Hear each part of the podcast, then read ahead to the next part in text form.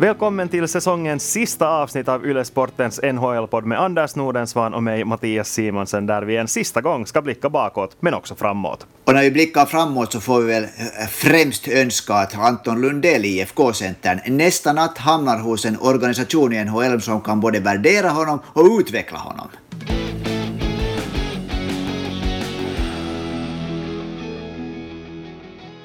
Men Anders, jag tänkte som så att vi börjar med att titta lite på NHL-slutspelet som gått och framförallt finländarna. Och jag tycker att vi börjar med att lyfta fram en spelare var som var en positiv överraskning. Och vi ska väl först och främst konstatera att Miro Heiskanen och Joel Kiviranta är de här självklara valen. Men vi har snackat om dem så mycket de här senaste veckorna så jag tycker att vi tittar på några andra finländare som helt enkelt imponerar. Och jag tänker helt fräckt börja med att lyfta fram Jonas Korpisalo. För vi, Bra val! Vi börjar med statistiken. Nio spelade matcher, räddningsprocent på 94 4,1 och ett snitt på 1,9 insläppta mål per match. Det här är elitsiffror. Och att han dessutom gjorde det på det sättet som han gjorde efter att ha blivit bänkad för Elvis Merslikins, det gör det bara ännu mer imponerande. Alltså det som var den här stora skillnaden med Korpisalo om vi tänker bakåt i tiden, så han har ju ofta varit en målvakt som har varit plötsligt jättebra, men som på något sätt har smultit liksom. När det har varit tuffa situationer så kan han plötsligt tappa självförtroende eh, helt och hållet. Men och också liksom, han har sett att han också har tappat, liksom, hur ska man säga, eh, fattningen, nerverna. Han har liksom visat att nu är han inte nöjd. Men han var ju den verkliga ismannen nu i, i målet i slutspelet. Han var verkligen imponerande. Mm. Och det finns säkert många som tycker att, att, helt som du sa, att han har ju varit bra tidigare. Inte är det ju en överraskning att han presterar så här bra. Men jag tycker nog ändå att det var det. Han har alltid varit en stabil målvakt. Det hade inte varit frågan om. Men i de här slutspelen så han stod verkligen på huvudet på ett sätt som man inte sett honom göra tidigare. Och det här gör nu Jarmo Kekäläinens liv väldigt surt. För det kändes ju som att Smerslikins var den här som hade, hade fördelen på sin sida uh, i den här fighten om rollen som första keepern i Columbus. Men nu är det vidöppet igen. Ett slutspel ska förstås inte diktera vem det är som är första målvakt nästa säsong, men det här gör ju ändå att, att Kekäläinen tvingas ge dem båda åtminstone minst lika många chanser att visa vad de går för. Eller håller du med? No det skulle man ju tycka. Nu är det såklart kanske lite en speciell situation såklart med en finländsk GM, men det har vi sett tidigare med Kekkalan att det behöver inte liksom betyda någonting eh, på det sättet positivt ur, ur ett finländskt perspektiv, utom att han, nog, han spelar med öppna kort, det brukar han göra med finländarna, det hade alla tackat honom för. Men om vi ser på Columbus så i mina ögon ser det ut som att Elvis Merslikins är den här killen som de har liksom i flera år talat om som ska komma dit och som har liksom en beställning på att vara deras första målvakt. Och när det så mycket i NHL också handlar om marknadsföring och den här liksom, på det sättet den berättelsen som man säljer åt sina anhängare och när det är två bra målvakter, det ska vi komma ihåg, det är två målvakter som har tagit ungefär jämnstarka, så för mig ser det nog ut som Merslikin skulle vara den killen som de kommer att satsa på. Därmed så kanske Korpisalo får lämna Columbus. Mm. Det är ju verkligen en intressant poäng just det där att han kan lämna efter att ha varit så bra i slutspelet och ändå tvingas lämna. För faktum är det att det finns ingenting som säger att, att Columbus kommer att gå in i nästa säsong med två jämnstarka målvakter. Det, det är ingen som säger att det är smart att göra så heller. Det kan vara bättre för dem att gå in med en klar etta och sälja den andra. Och då kan man förstås vara av olika åsikt just att vem är det smartare att sälja. De har satsat så mycket på marknadsföring marknadsföringen med Merslikins som du sa. Men Korpisalo är billigare. Han var verkligen bra då när det gällde som mest på ett sätt som Merslikins inte ännu har bevisat att han kan vara. Och så måste vi också komma ihåg att målvaktsmarknaden i NHL just nu, den är övermättad. Vi snackar om namn som Henrik Lundqvist, Marc-André Fleury, uh, Matt Murray ryktas till och med vara till salu, Anton Kudomin kan lämna Dallas. Det finns ett överutbud rent färdigt på bra målvakter, så vad, vad kan man få i utbyte för honom? Är det, är det faktiskt värt att sälja Korpisalo? Det är nog, det är nog en intressant fråga det där. Jag, jag det där skulle ännu tillägga att det ryktas ju också om att Tuukka Rask skulle vara på marknaden Exakt. för tillfället, så det är faktiskt, det är verkligen köparens marknad för den som har, har dollar i bakfickan. Det som ju har blivit nu en trend under de senaste par åren är att ha det här tandem, målvakt, en målvaktstandem där båda spelar ganska så jämnt antal matcher under grundserien och sen ser man då vem man, man kör som liksom första målvakt i slutspelet. Så att det skulle ju på sitt sätt tala för att, att, att, att man kan tänka lite om och tänka att, vi har, att, att när ingen nu ändå tills vidare hör till de här mm, kanske topp 10 målvakterna i NHL. Så det skulle ju tala för att, att Columbus skulle satsa på en målvaktstandem, men på något sätt så tycker jag den verkar den här berättelsen nu som att, att, att någon deras målvakten ska ut därifrån och då är det väl nog Korpisalo som i, i mina ögon ligger närmast till. Mm. Och det kan vara väldigt snabba svängar som vi snackar om, för Kekäläinen har ju inte varit blyg med att sälja bort val i draften. Och de har det 21 valet i nattens draft. Det kan vara att de använder det också för att sälja bort uh, det tillsammans med en del av målvakterna för att få ett, en så bra spelare i utbyte som möjligt. Och vem skulle vara tillgänglig? Det har snackats mycket om Patrik Laine. De här ryktena tar ju aldrig slut. Men Winnipeg behöver ju inte målvakt så det känns ju ändå, ändå utopistiskt får vi väl säga den där, den där aktien tycker jag känner, känns utopistisk. Men helt så här för att, för att kolla lite, vart, om, du skulle få, om du skulle få bestämma vart Jonas Korpisalo skulle, skulle trädas, om vi nu leker att han trädas, så vart skulle du flytta honom? Alltså jag tycker det där Boston-alternativet är ganska spännande på många sätt. För om det faktiskt är så att de tycker att Rask inte ska stanna av en orsak eller annan. Vad den där orsaken egentligen är vet vi ju inte. Men då skulle ju Korpisalo egentligen kunna vara ett mycket billigare alternativ som man plockar in. En målvakt som har visat att han kan prestera på topp. Varför inte? Jag skulle vilja, jag skulle vilja skicka honom till Carolina, ja. ja, exakt. Men du då Anders, vem, vem var den största positiva överraskningen i, din, i ditt tycke? Och då drar jag ju samma, samma litania som du här i början, att, att Miro Heiskanen var Miro Heiskanen och, och, och det där. Uh, så hade vi också några andra som riktigt steg fram, men jag skulle ändå vilja ta Jesperi Kotkaniemi från Montreal. Jag, jag det där följer med Montreal ganska noga och jag har följt med Jesperi Kotkaniemis väg där och det såg ju jättebra ut och när han kom i tiderna dit. Sen gick det ju riktigt dåligt efter att han blev tacklad för ungefär ett år sedan hårt när NHL körde igång.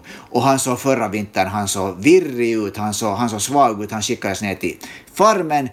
Och, och när nu då coronakrisen för NHLs del åtminstone för en tid var över och man kunde spela slutspelet och Jesperi Kotkaniemi kom tillbaka efter att ha utvecklats i Finland av, av skridskotränaren Janne Hänninen och sen också då äh, före detta landslagstränaren Raimo Summanen, så var det ju en helt annan kille som kom tillbaks. Och det tycker jag att man såg i Montreal. Han hörde han hörde på många sätt till de bästa äh, offensiva pjäserna i, i, i Montreals spel. I många, inte kanske i alla matcher, men i de matcherna som han var bra så var han jättebra. Han hade också blivit tycker jag, starkare defensivt. Han flaxade inte på samma sätt omkring mera.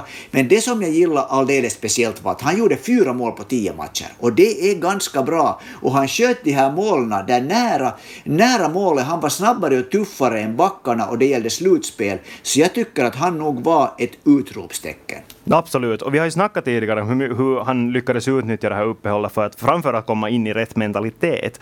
Och det här har Montreal faktiskt också märkt. Jag läste här några intervjuer där var klubbchefen Mark Bergevin helt öppet medger att han tycker att laget nu har visat sig vara redo att ta steget från att vara ett lovande lag till ett bra lag. De lyckades redan slå ut Pittsburgh Penguins, han har all orsak att tycka så. Och det som är uppmuntrande för ur Finlands perspektiv och ur Kotkaniemis perspektiv är att han verkar tycka att just Kotkaniemi och Nick Suzuki en, en duo som de kan bygga något långvarigt kring. Och helt som Kekäläinen så har Bergevin också sagt att Montreals första val i nattens draft finns på bordet om det, om det kunde ge dem en stjärna. Och någon offensiv pjäs så behöver de ju nu för att ta nästa steg. Ja, just som du säger, de har nu, alltså om man tänker första och andra centern, de är så centrala pjäser i ett NHL-lag som vill nå framgång. Det ser vi hela tiden att när en, när en bra andra center fattas så det bara inte vill räcka. Och nu har de då Suzuki som är ett år äldre än Jesperi Kotkaniemi. Uh, båda vi har visat redan mycket mycket starka tag. Suzuki var kanske ännu liksom vassare i slutspelet, men som sagt, vi ska komma ihåg att han är ett år äldre än Kotkaniemi och det betyder nog jättemycket i de här åren. Och Kotkaniemi fyllde just 20 år, så man ska komma ihåg hur otroligt ung han ännu är. Och han håller på att växa ut fysiskt. Han är ju lång men håller på att liksom bli stark också. Så, så det här är, är, är jätteintressant. Montreal är, jag tror också att Montreal är ett lag som nu äntligen, äntligen, äntligen är på väg uppåt. Och med, med de här två killarna, om det verkligen liksom, hur ska man säga, om de känner att man litar på dem och, och de får liksom utvecklas och de får ansvar så, så det där det ser ut som en riktigt fin framtid för Kotkaniemi för tillfället. Mm. Och här igen måste vi lämna Montreal, ett lag som har ryktats kunna vara intresserade av Patrik Laine. Tror du att han skulle kunna vara mer aktuell där då kanske till exempel en Columbus som ändå har på något sätt lyft fram som en som de här riktiga förhandsfavoriterna som skulle kunna köpa in honom? Du vet den här min grundtanke att jag tycker att bara en, en det där certifierad idiot skulle träda bort Laine men det verkar ju faktiskt som, som, som di, di, diskussionen skulle vara på bordet på riktigt och det där, no, jag skulle ju gärna ta ta Patrik Laine till Montreal. Jag säger ta för att jag, jag kan inte hålla, sticka under stol med att jag är en Montreal-anhängare. men vem skulle man då skicka i andra riktningen? De behöver alltså, de behöver alltså en back först och främst. Jag tror inte att Shea Weber är på väg bort från Montreal.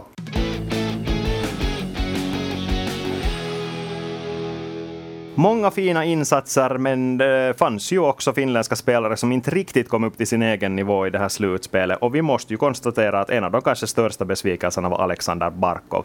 Ett plus tre på fyra matcher, alltså en poäng per match, är ju inte fy skam. Men han såg inte ut som en stjärna som leder ett lag långt i playoffs.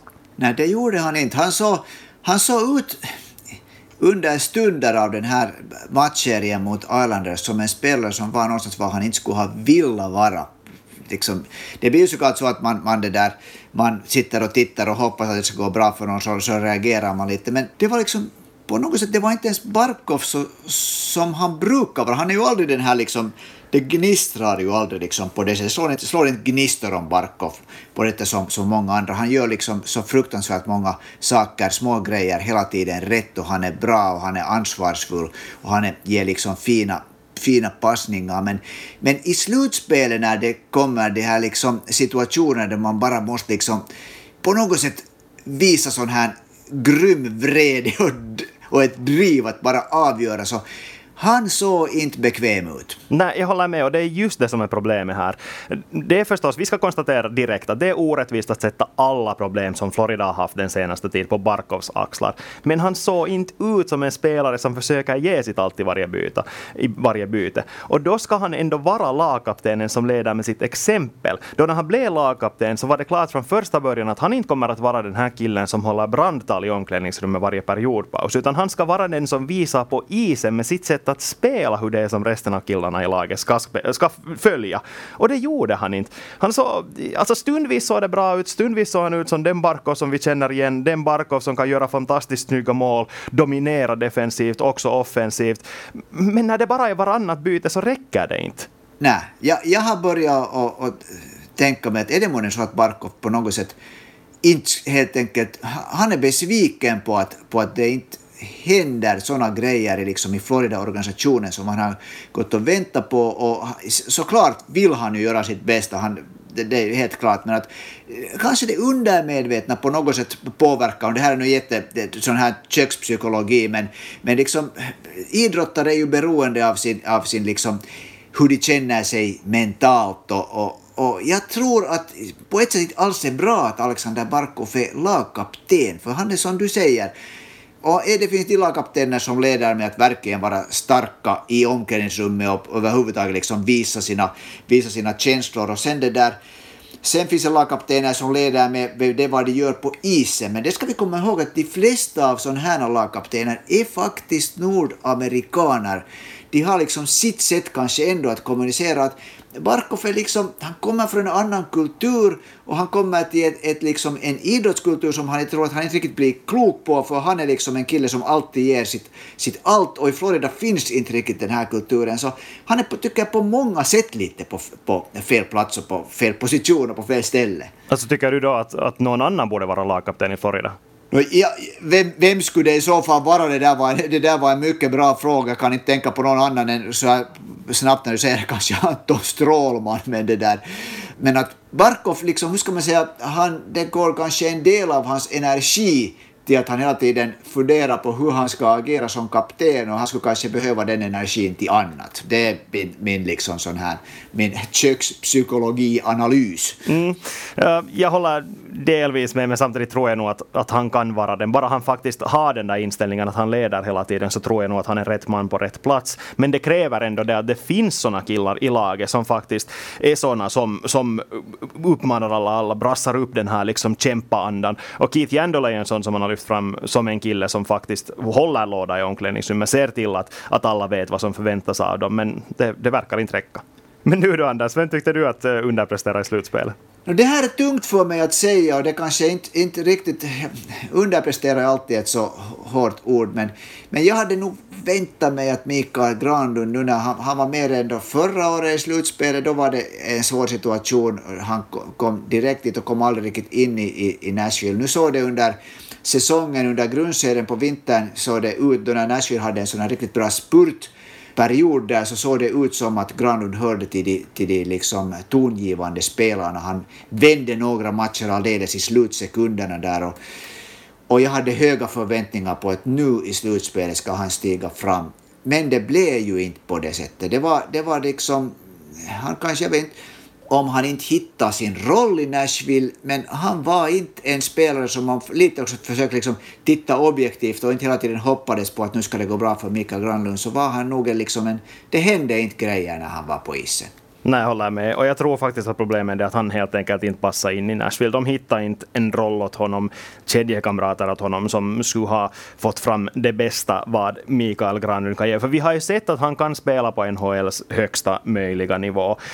Vi har sett hur långt det räcker. Helt som du sa, han kan till och med avgöra matcher på egen hand om han är på rätt humör. Han är kreativ med pucken, han är solid defensiv och framförallt just på grund av det, att det där försvarsspelet som han har visat att han faktiskt grejar nu för tiden. Så det får mig att fråga frågat om det inte skulle vara bättre för honom att flytta tillbaka till center och ta och eventuellt få den här chansen i något lag som behöver ett andra center, en, en andra center. Och då vill jag igen lyfta fram Winnipeg Jets, för hur, hur optimalt skulle det inte vara?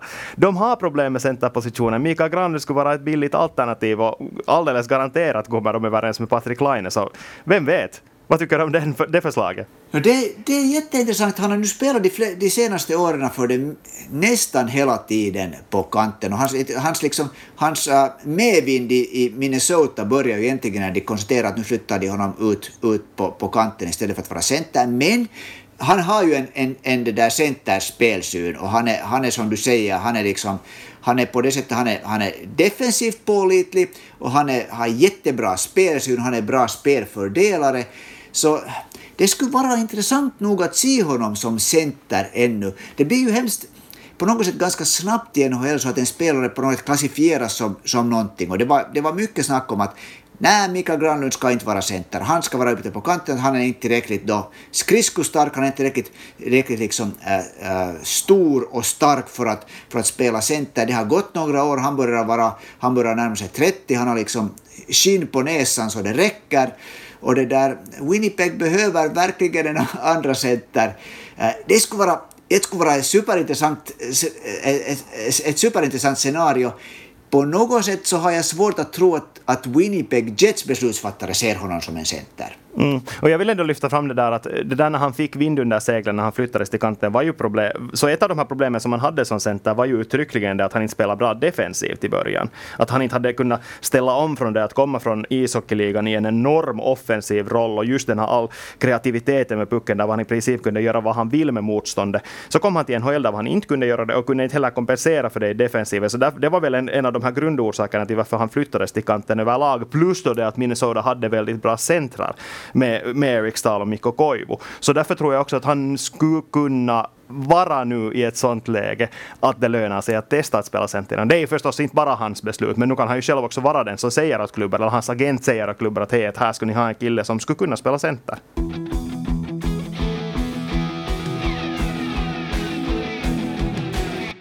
I natt kör NHL-draften alltså igång och Anton Lundell förväntas vara den finländare som plockas först, ungefär som tionde spelare. Men här går åsikterna nog väldigt, väldigt kraftigt isär. I de senaste mockdraften som vissa, vissa sajter har publicerat kan han till och med falla så långt ner som 21. Men Anders, vad tror du, när plockas han upp? Ska vi, får jag säga vad jag hoppas? Jag hoppas att han inte plockas upp som åtta för då går han till Buffalo Sabres och det tycker jag skulle vara en katastrof. Och sen hoppas jag att han inte plockas några platser senare när det är Edmonton Oilers tur att välja, välja göra sitt val, för jag verkligen hoppas att varken han eller någon annan finländsk spelare mera någonsin hamnar till Edmonton Oilers.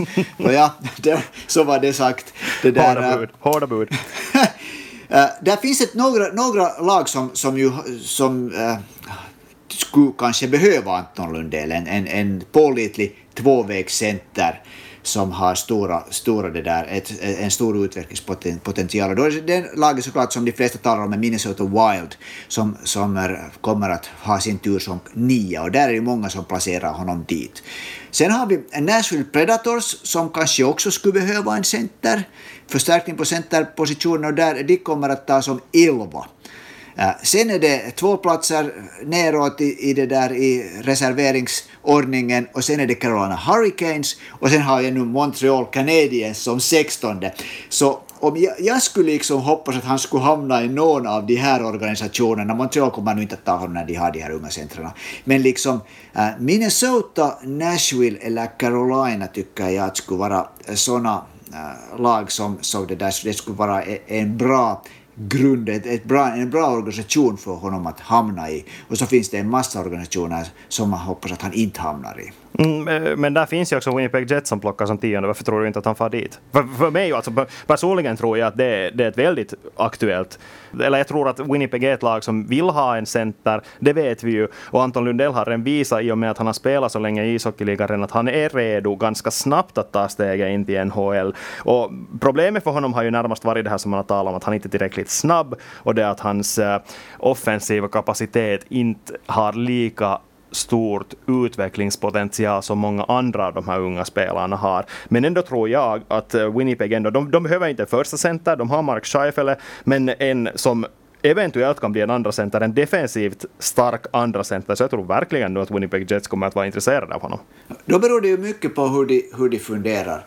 Uh, och, Patrik Laine är såklart en central pjäs i, i det hur de funderar. Men om man tänker att Winnipeg Jets uh, har ett lag, om, om, de, om det finns sådana krafter inom Winnipeg Jets som tycker att, nej, att nu har vi fönstret öppna, vi har ännu vi har ännu Patrick, Patrick Laine här och han det där, det är först uh, på sommaren 23 som han då i princip har rätt att själv göra sina beslut vart han åker. Så det skulle på det sättet finnas ett par år här. Och då skulle de behöva en center som kommer in och löser problem just nu och, och det skulle lite stödja det att Blake Wheeler börjar definitivt att ha liksom sin karriär på, på det där nedgången och speciellt då 2023. Han har några år ännu som man kan tänka sig att han är lagkapten Blake Wheeler. Men, men det är det vad jag menar, får jag avbryta dig snabbt här? För det är exakt jo, det vad jag menar. Att Wheeler, de kan flytta in Wheeler som andra center eller till exempel plocka in Mikael Granlund i mitt utopistiska scenario.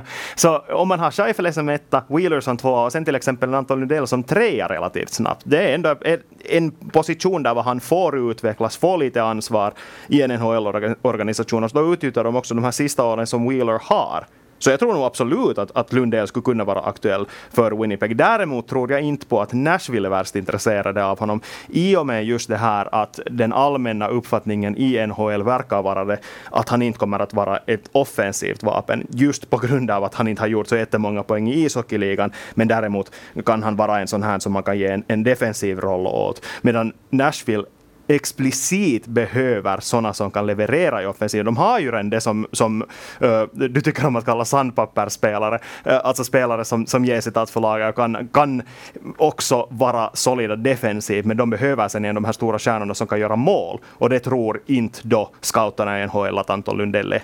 Och sen är det såklart uh, Lundell å andra sidan en sån spelare som på det sättet skulle passa lite in i det här Nashvilles eh, sätt att tänka och bygga lag. Det kan ju hända att det, att det beror också på tillfälligheter, men de har till och med lite undvikit att plocka in, att, att ha sådana här liksom riktigt stora stjärnor.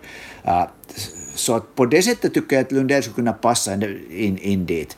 Det här med Winnipeg är ju nog intressant just, just med tanke på att om, om det där, vilket skulle vara det logiska, så skulle jag också göra att jag skulle, jag skulle flytta Blake Wheeler till center i andra, andra kedjan och säga att nu får han helt enkelt vara nöjd med det och glömma att han måste spela ihop med Scheifele, för han kan spela en bra, bra, bra center, äh, på, spela bra på centerpositionen. Och Lundell skulle antagligen ännu vilja själv spela ett par säsonger i Finland, det har han sagt, så han skulle på det sättet växa växa liksom, kom, komma, kunna vara en betydligt långt utvecklad spelare när han kommer, kommer dit. Men om jag, om jag liksom säger att på något sätt tror jag att, att Winnipeg har ett grymt trauma för tillfället att de inte har den där superbacken. Jag på något sätt tror att de skulle göra vad som helst för att få en, liksom en, en, en, en stor eh, backbegåvning dit. Mm. Men det som ändå, min huvudpoäng gällande Lundell är ändå det att jag tror att han kommer att gå till ett lag där som redan har en klar första center, som vet det, att hans eh, potential då enligt deras uppfattningar är lite begränsat, att han inte kommer att vara den där, eller han troligen inte kommer att vara den där som blir det stora affischnamnet för hela organisationen, men istället får de en väldigt lojal, en väldigt stabil spelare som de kan använda sig av. Men det är inte en sån spelare som man nödvändigtvis väljer i topp 10, förutom då man är den, har den lyxen att man redan har en väldigt, väldigt bra center, åtminstone minst en väldigt, väldigt bra center. Och det där vad du säger, så det skulle då egentligen äh, vara ett, ett bevis på att Minnesota Wild inte kommer att ta Lundell. Nej, det, det misstänker äh, jag nämligen. Jag misstänker att just, de inte kommer att ta honom just därför. Men däremot så kanske Buffalo Sabres tar honom. din, din mardröm blir sann i natt, hör Men hej, det är inte bara Anton Lundell som finns med i den här draften. Jag tycker vi också tar en titt på Joel Blomqvist, den andra finlandssvenska som, som tippas gå relativt tidigt. Det har talats om en tredje rund, ett, ett val i den tredje omgången för hans del. Han har ändå visat framfötterna nu i några matcher för Kärpäts del i ishockeyligan. Och frågan är om det inte kan lyfta honom till och med till den andra omgången. Ja, det tycks ju vara helt öppet liksom, vad, vad man riktigt väntar att han ska gå. Och det är andra omgången, tredje omgången. Första omgången är det nu säkert inte, det kan vi säkert slå fast.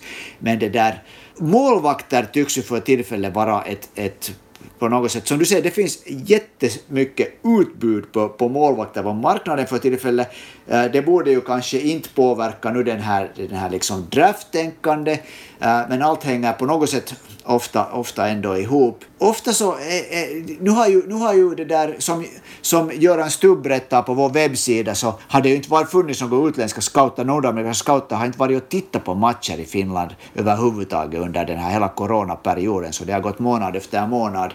Och jag undrar liksom hur mycket värde de sätter på att Joel Blomqvist har, har spelat bra matcher i Kärpät. De har säkert nog noterat det, så, så det där, nu lutar det väl lite då mot, mot andra omgången tycker jag. Mm. Jag tror att det i första hand handlar om att det är en sån organisation som känner att de behöver flera målvakter i organisationen, för Blomqvist är ju ändå en sån som inte kommer att gå över till NHL direkt under något som helst omständigheter. Det handlar det ju inte om, utan det är bara det att se den potentialen som han har och själv ha ett behov för målvakter och veta att det inte finns hemskt många bättre än honom i den här draften heller. Så där, därför tror jag också att ett, ett sent val i den andra eller tidigt i tredje rundan skulle jag åtminstone våga tro att han, han kommer att gå. Och också den här veckan har vi fått in många frågor och jag tänkte Anders att vi lyfter fram två stycken som tangerar samma sak. Det är Filip som undrar hur många finländare som kommer att gå i den första rundan i draften och sen har vi Lukas som egentligen svarar på den här frågan med sin fråga om varför det endast är en finländare som förväntas gå i den första draften. Och hur högt får vi säga Broder Räty gå 2021? Men vi börjar här med det där varför det bara är en finländare. Vill du, vill du lite ta oss igenom vad, vad du tror att orsaken är? No, inte väl orsaken, den är väl på ett sätt hemskt logiskt. Det, det, det finns inte sådana toppspelare för tillfället i den årskullen som nu ska draftas som, som det där skulle riktigt vara hetat. Om vi tänker förutom Anton Lundell så är det ju då uh, Topi Niemelä, Kärpät-backen som en skicklig back men kanske inte sådär han är ganska liten. Och sen är följande, då har vi då egentligen Ronny Hirvonen, Ässät-centern. Och inte det på det sättet sådana namn som vi tänker hurdana killar det har gått från Finland de senaste åren. Så nu är det väl helt enkelt det att det inte finns just i den här årskullen nu de här, de här riktigt topptalangerna. Men Aatu Räty han är ju en spelare som till och med har talats om att skulle kunna vara Finlands första first overall pick någonsin. Just det, och han är cent. Och det har ju varit de senaste två gångerna när en finländare har varit nära att bli, bli vald som etta, åtminstone i förra snacket så hade det varit då Patrik Laine och Capo Kakko och båda gångerna hade det varit mycket snack om att nej, men när det inte är centrar så blir det inte val som första. Han är storvuxen, han spelar ren, antagligen den här säsongen, i förra säsongen gjorde han inte det, han hade inte stort ansvar ännu i Kärpät. Den här säsongen kommer han antagligen att få riktigt ordentligt med ansvar i Kärpät. Och ska vi säga att det är liksom inte skrivet ännu, det manuskriptet färdigt. Om han gör en stark säsong i Kärpät så blir han nog, tror jag, svår att putta ut åtminstone från de där tre första positionerna och till och med kanske lite sannolikt att han är den första finländska ettan. Så ser det ut nu för tillfället. Och med den positiva utsikten får vi kanske sätta punkt för den här säsongen av Yle Sportens NHL-podd. NHL-säsongen, ja den börjar ju förhoppningsvis så snart som bara möjligt och då är vi förhoppningsvis också med. Tack för att ni lyssnade på de här avsnitten. Tack så mycket och på återhörande.